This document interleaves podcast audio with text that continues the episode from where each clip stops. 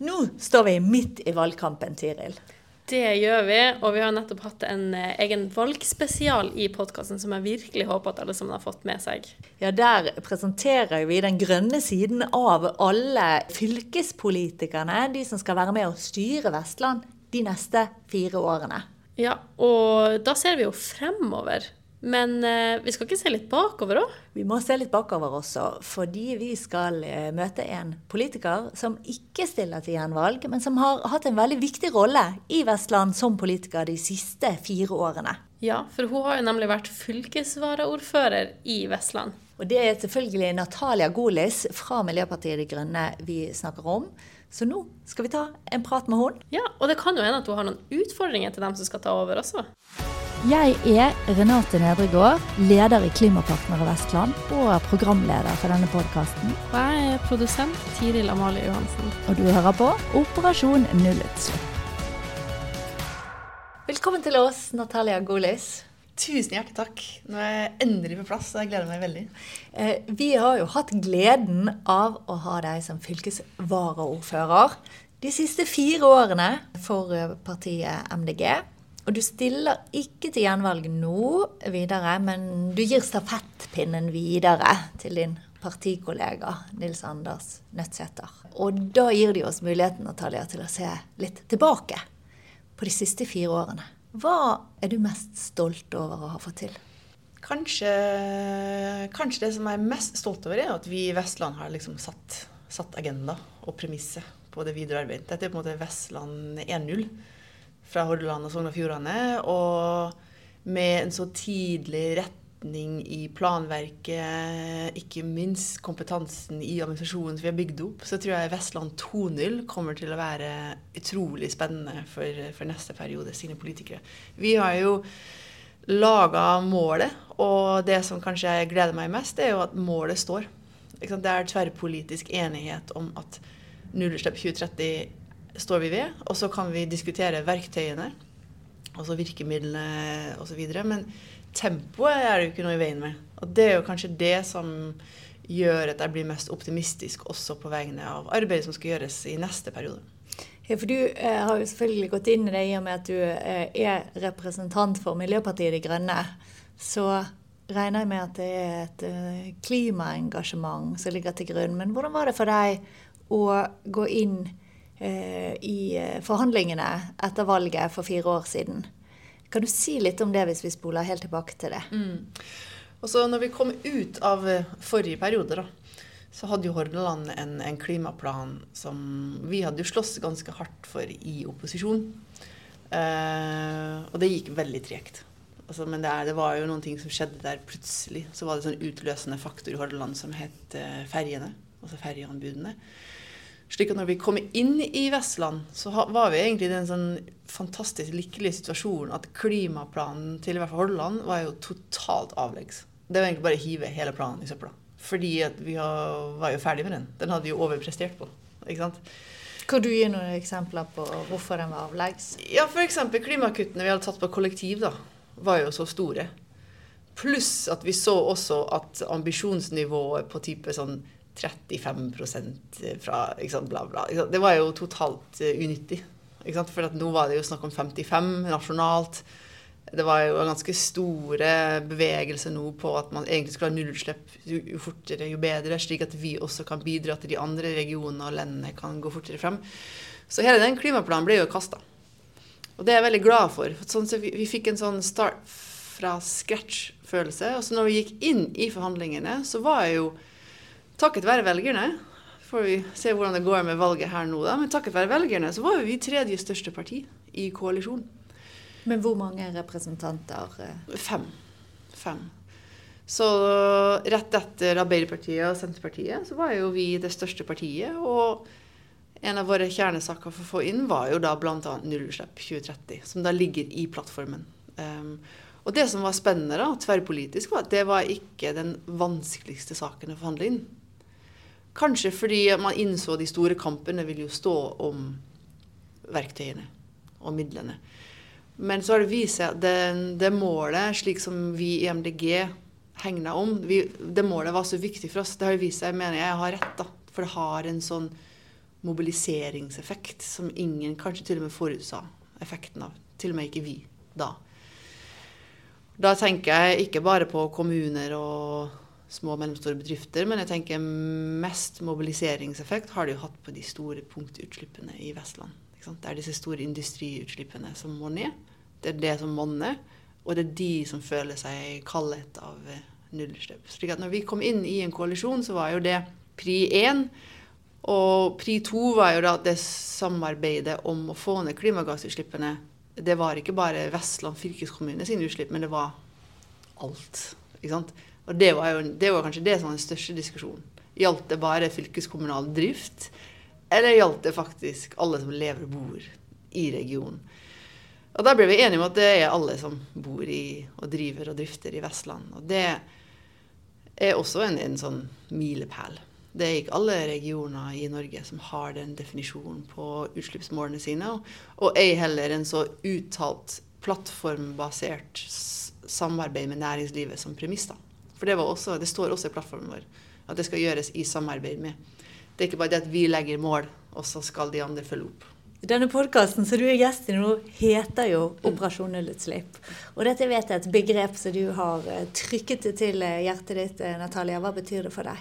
Det betyr at man skaper en positiv mobilisering for å nå målet. Jeg mener at litt som flåsete så vil jo alle være med en positiv engasjement og mobilisering. Det er mye morsommere å være med på det enn kjeft og regelverk og pekefinger. For da er du med å skape noe sjøl og, og, bidrar til at det skjer på premisser som du, ja, som du er forberedt på. Det er jo ofte når det bare Hvis det, vi skal bare regulere positiv endring med skatt, så blir det jo litt dårlig stemning.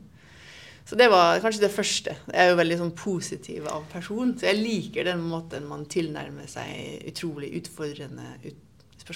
Det er jo veldig i tråd med det som vi holder på med i Klimapartnere. Mm. Og i Klimapartnere Vestland så er vi jo sånn ekstra, ekstra stolte av nettopp fylkespolitikerne våre. Mm. Fordi at vi har dette målet mm. om eh, netto nullutslipp i, i 2030. Og det er veldig det Er det det eneste fylket i Norge som har et så ambisiøst mål? Vi er det eneste fylket. Uh, og når jeg er ute og representerer og er i møter med andre plasser i landet, da, så blir det litt sånn what? Ikke sant? Det er, jo, det er jo Ikke bare er vi en veldig stor region, men vi er også veldig industritung. Ikke sant? Så det, det blir liksom ja, ja, ja. Men så når man begynner å bryte ned tallene, da, så er det jo faktisk tilbakemeldinger på at vi har jo faktisk gått veldig metodisk til verk. Det er ikke bare en mål som svever i, i luften. Vi har jo både begynt å ridde i egen eh, hage, og så har vi også da begynt å se hvor er det vi kan bidra til at andre lykkes. Og den metodikken tror jeg kommer til å bli mm, adoptert mange plasser. Og så er det jo slik at mange tenker ja, 2030 er umulig. Og da har jeg sagt ved flere anledninger det er jo ikke 1.1.2030 som er poenget her. Om det er 2032 eller 35. Det er den mobiliseringseffekten som er interessant. Og jeg tror at vi som art, som mennesker, vi klarer ikke å forholde oss til 2050. 2050 er, Vi har ikke evne engang til å se så langt frem i tid, fordi at det, den tid, den sorg eh, Det angår ikke oss? Ja, det angår liksom ikke meg, selv om vi kommer fortsatt til å være i arbeidsfør alder. Og, men det er noe med nærheten, og jeg tror folk når de ser at de kan faktisk nå målet innenfor sin aktiv virketid, jeg tror det gir en mer sånn eierskap da, til, til, jobben. Eh, vi skal ikke forlate dette temaet, vi skal snakke mer om målet netto nullutslipp i 2030. Men vi må stoppe opp litt, fordi det er et stikkord her. Så jeg lurer på, Tiril, om du har, har du full kontroll på disse begrepene? Netto nullutslipp, vet, vet du hva det er? Nei, jeg har veldig god kontroll på hva nullutslipp er, selvfølgelig. Men når vi begynner å putte netto foran der, hva er det vi snakker om da, egentlig? Hva er forskjellen på netto nullutslipp og nullutslipp? Jeg, tror jeg prøver å forklare til folk at um, det er viktig at vi liksom kutter utslippene. Og så kan det godt hende at noen av løsningene for å kutte utslipp er å faktisk tillate utslipp noen plasser, som faktisk er veldig vanskelig å kutte enten i tid eller i økonomisk forstand. Og man tar det igjen på andre plasser. Og det kan være både karbonfangst og -lagring. ikke sant? Det kan være at man begynner å regne inn eh, det som er karbonfangst i skog. Og det har jo vært en kjempestor diskusjon politisk. ikke sant? For Cicero la jo frem en ganske spennende rapport for oss der det finnes en scenario der vi faktisk blir netto nullutslipp i 2030. Men da må man regne inn restsummen som vi ikke klarer å kutte. Da kan vi si at det er det som ligger i skogen, altså i naturen. Og det er en helt ærlig måte å gjøre det på, uh, mener jeg. Og det betyr også at vi når på en måte målene våre, selv om vi ikke er sånn 100% elektrifisert på alt. Men er det definert hvordan vi skal regne hva er netto nullutslipp? Jeg liker egentlig ikke å gå altfor mye teknisk inn i det, for da blir det på en måte en slags Da driver man og diskuterer tall istedenfor å handle for å faktisk bidra til at min drift skal endres i, i måten man Enten ren utslipp i drift, eller ikke minst eh, det som er avfall. Hva, gjør, hva skjer med avfallet osv. Men ja, svaret er jo ja. De har jo regna i det. Men det er, klart, det er en storstilt elektrifisering. Det er en stor sirkulær løsning på noen ting, slik at det ikke bare fortsetter utslippene et annet sted. Og så er det jo noe av det er jo faktisk også at man lar være. Og man kutter utslipp. ikke sant? Man har mobilitet på andre måter. Man, man, slutter med drift som har en ekstremt store utslipp. Og så er det jo en annen ting, at det er jo ikke bare CO2 vi snakker om her. Men det er jo også en storstilt parallell satsing ikke sant, på å kutte NOx osv. Eh, og når eh, Du var litt inne på det i sted. fordi noen av innvendingene mot et så ambisiøst mål, det er at ja, men, vi har noen store punktutslipp, så det er umulig å gjøre noe med. Hva skal vi hva skal vi gjøre med de?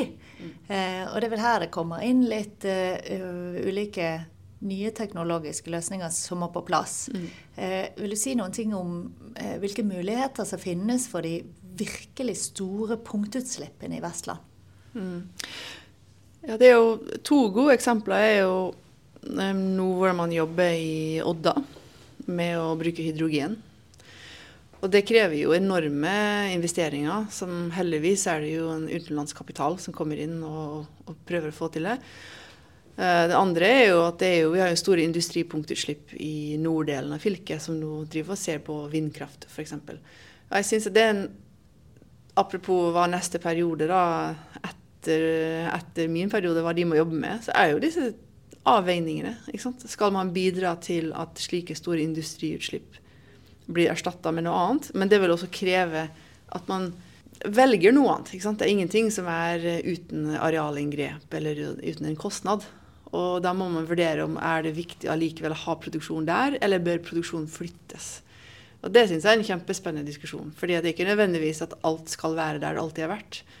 Eller skal fortsette på den samme linja. Eller kanskje hvis det skal det, så må vi godkjenne, godta at det blir vindkraft f.eks. Eller annen type strøm nett som kommer der. Eh, men når da eh, dette målet ble vedtatt eh, i klimaplanen, når var dette, hvis du hjelper meg å huske det? Mm. Altså Nullutslipp 2030 kom jo inn i koalisjonsplattform allerede i eh, oktober da, 2019. Og så fikk vi det vedtatt første gang inn i det som het The Plan of All Plans. Det som i Vestland heter Utviklingsplan. Som er på en måte planprogrammet for alle planer. Du høres veldig kjedelig ut, men det er kjempeviktig. Ja, vet du hva. Jeg er jo en T-skjorte der det står liksom at regional plan skal redde verden. For jeg, jeg, tror faktisk det. For det bidrar til å løfte regionalt på et veldig veldig viktig nivå.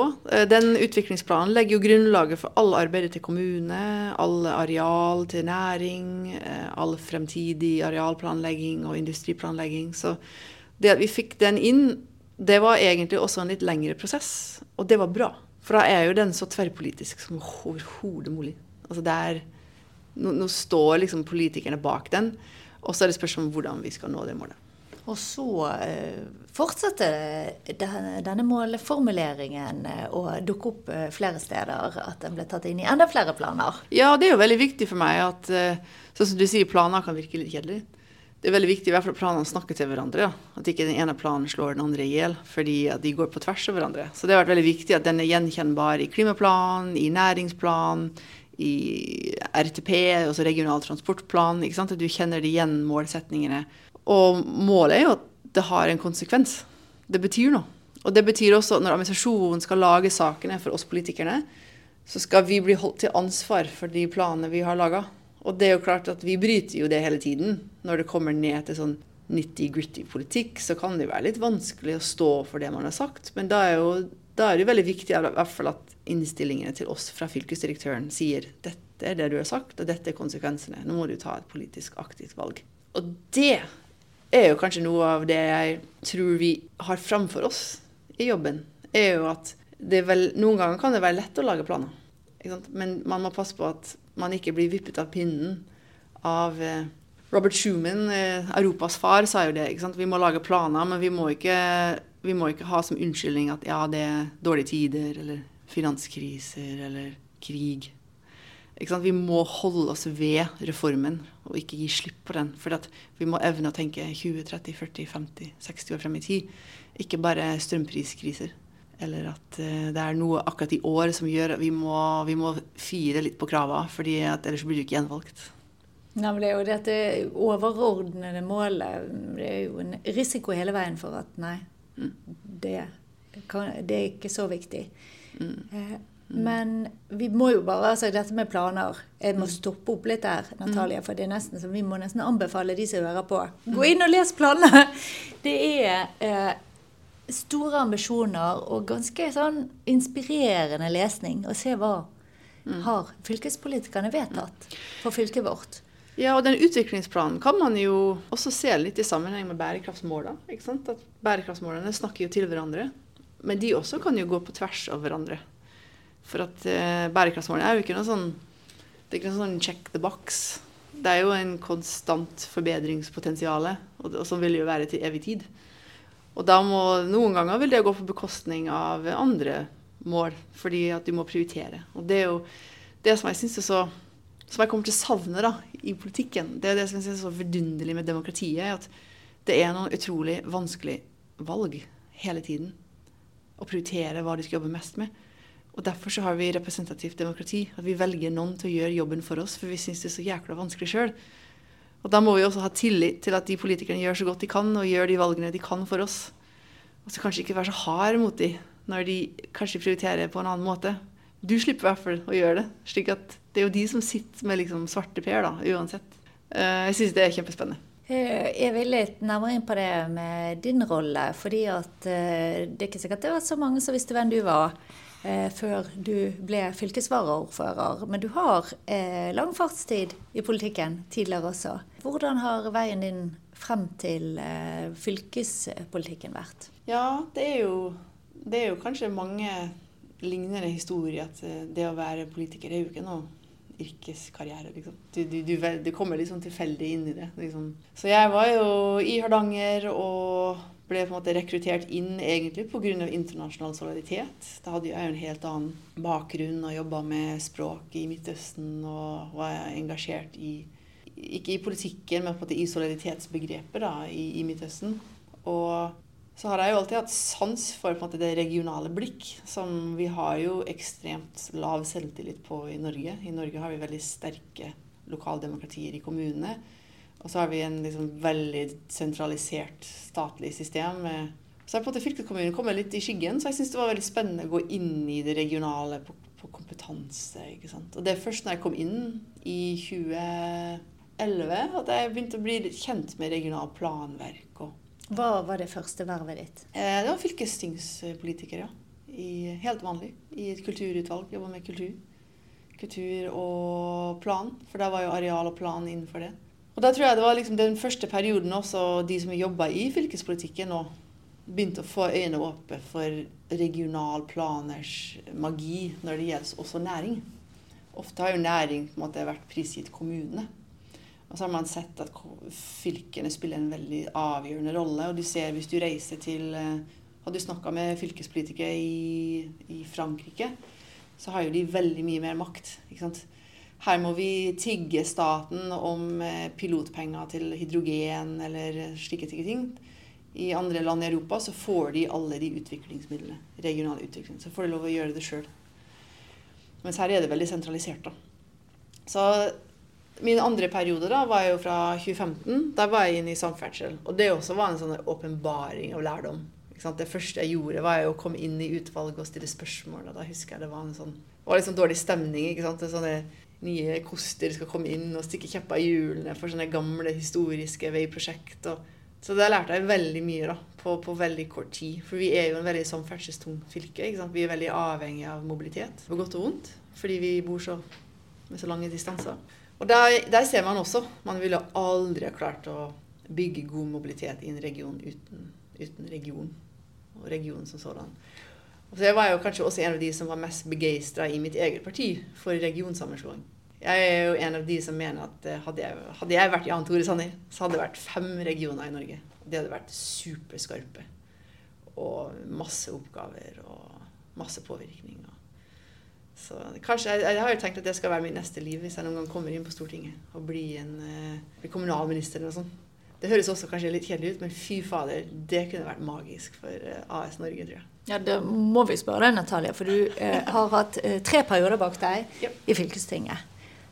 og nå um, har du valgt å ikke stille til gjenvalg. Hvorfor gir du deg?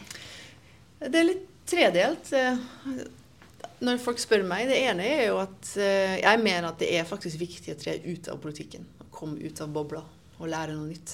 Um, jeg føler meg jo fortsatt ung og klar for å lære å gjøre noe annet. Og så kan man alltids komme tilbake. Men jeg har absolutt behov for å sitte på andre siden av bordet. Og det jo, har jeg ofte sagt, at det er jo noe med å være visjonær og sette retning. Det er jo noe annet å sitte i styrerommene og være daglig leder og ta den risikoen når du tross alt har x antall ansatte som skal ha sikker lønn. og Å kjenne på den uroen litt tettere på, den tror jeg også vil gi en annen ydmykhet til det å være politiker òg. Og den andre delen er jo at det, det har vært et fantastisk fire år. Altså, det er jo noe med å, å slutte når det er på topp òg. Gi stafettpinnen videre, slik at noen andre kan gjøre det på en andre måte. Vi syns jo det vi har gjort, er jo helt fabelaktig. Og så er jeg helt sikker på at det kommer nye folk inn og sier de skal gjøre det bedre. Og det er jo fantastisk. Så kjedelig det hadde vært hvis det ikke var sånn. Ikke sant? Og så ser jeg også at det, jeg har også lært veldig masse regionalt. Som jeg tror også kan være interessant for andre bransjer. Så jeg tror en slags, Når vi er så få mennesker i Vestland, eller på Vestlandet, så tror jeg rotering er viktig. Eh, vet du noe om eh, hva du skal gjøre til høsten der, Natalia?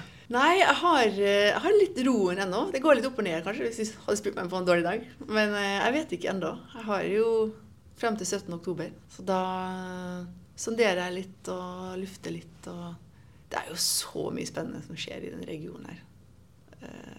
Veldig, nesten vanskelig å bestemme seg på hva man skal gå inn i. Du høres jo ikke ut så du er helt ferdig i politikken heller? Nei, jeg har jo en drøm om å, å komme på nasjonalt.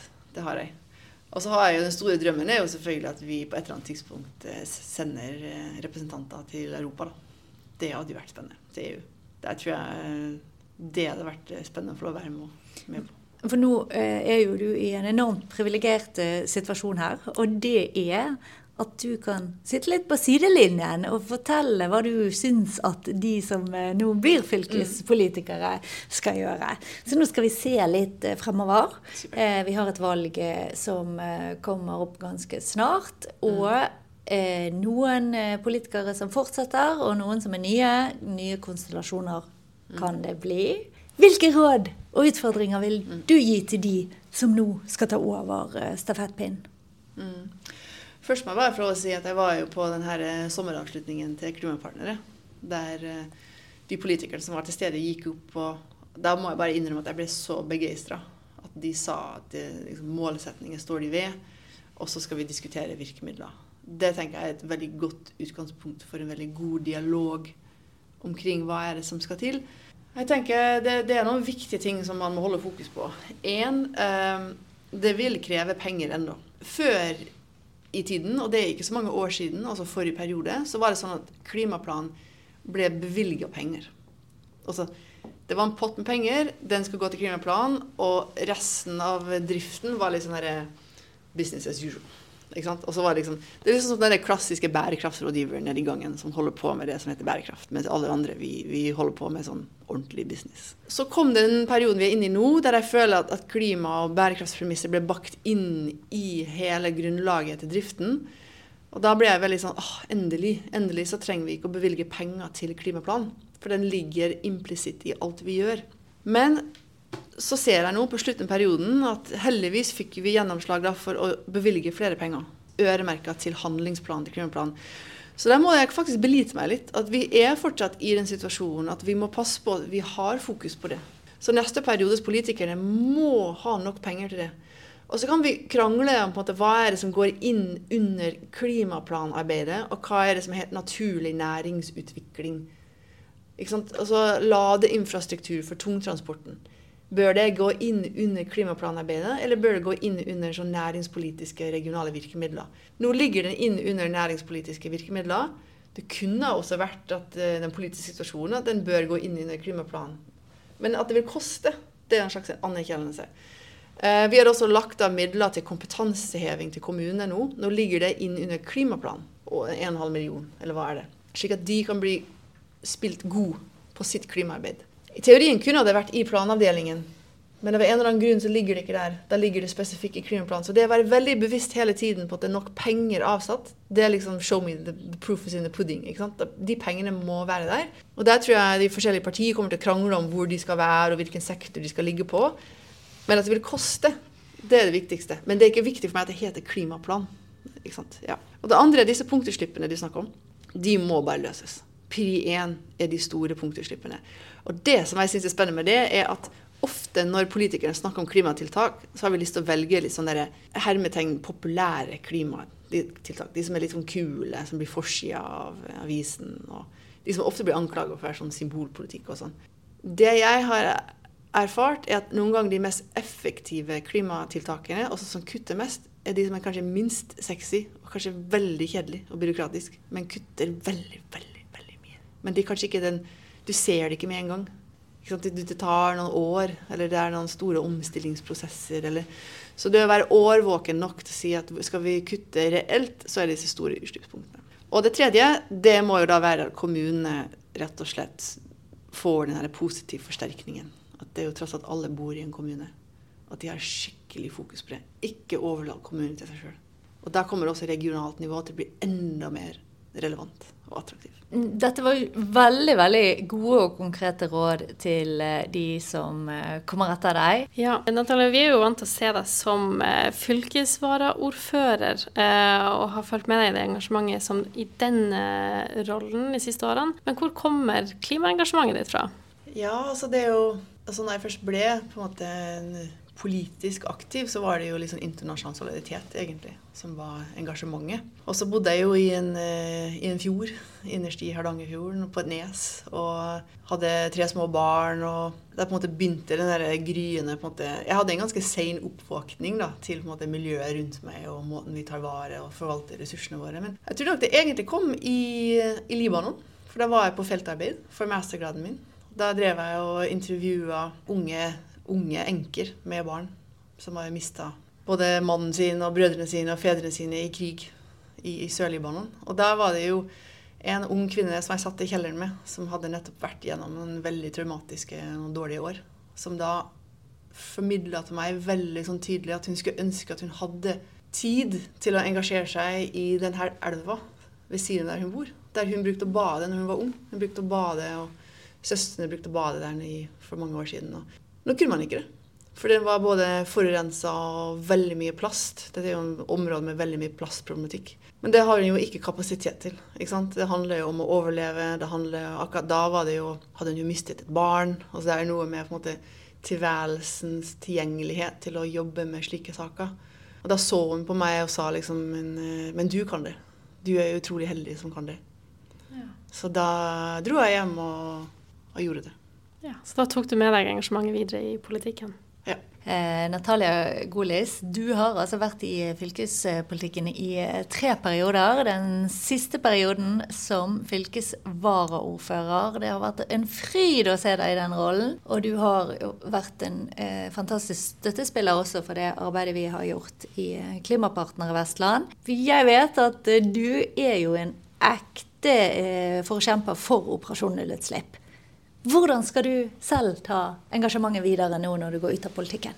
Kanskje noe av det som jeg brenner for å jobbe med videre, har jeg faktisk lært av, av måten klimapartnerne jobber med, med å bygge de nettverkene og sette folk sammen i samme rom, som kanskje er fra forskjellige bransjer, men som plutselig anerkjenner at de har noe til felles. Så akkurat den type måte, formidling av og, og, koordinering og sånn, det har jeg veldig stor sjansen for. Og det, apropos det, så er jo klimapartner jeg har jeg jo sagt mange ganger, er jo en av våre viktigste verktøy ut til næringslivet. Og har jo vist seg også å være en suksess. Altså mange enkeltpersoner i bedrifter. Det er litt viktig å huske på at alle bedrifter, store internasjonale bedrifter og små, jo, består jo av enkeltpersoner. Og disse enkeltpersonene hver for seg kan være nysgjerrig på hva er min rolle, hvordan skal jeg løse det her. Men du må komme sammen med andre likesinnede i samme rom for å føle at da kan du få sagt det høyt. Du får et sånn alibi på at det ikke er så radikalt lenger. Og vi har jo sagt det nå i to år, at det er jo ikke raddis lenger å være utrolig ambisiøs på klima og bærekraft. Men i noen bransjer så trenger man litt hjelp. Da er jo denne partnerskapsmodellen tror jeg er helt magisk. Så det jeg har lært av partnerskap, kunne jeg godt tenke meg å ta med videre i neste jobb. Og det med å på en måte anerkjenne at partnerskap For mange kan tenke ja, jeg har det på en slide på min powerpoint, og det er veldig enkelt. og sånn, Men partnerskap er skikkelig hard work. altså. Og det, det, koster litt. Noen ganger er det naboen sin tur til å få noe. Kanskje en eller annen gang blir det min tur. Du må ofre tid, du må ofre penger. Du må ta risiko. Altså, ekte partnerskap er ikke sånn der, å, koselig, nå skal vi ut og sitte ved samme bord og kose oss. Så ekte partnerskap er faktisk skikkelig dirty work. Og det å anerkjenne det, det, det tror jeg mange flere gjør, men jeg tror de må oppleve det sjøl. Så det, det, å lage disse partnerskapsområdene sånn som dere har gjort, det tror jeg også smitter over i de andre bransjene. Så det må dere bare ta til dere. Det er en helt avgjørende arbeid. Tusen takk, Natalia. Tusen takk for det du har eh, bidratt med som fylkesvaraordfører i Vestland eh, fylke. Og takk for det du har vært med på i Klimapartner Vestland. Jeg vet at dette er ikke det siste vi ser til deg. Det blir veldig spennende å følge med videre på hvor eh, veien går. Men for denne gang Takk for at du var med i podkasten vår. Takk i like måte. Og lykke til videre. Jeg gleder meg til å høre neste episode òg, og hvem dere har eh, på agenda.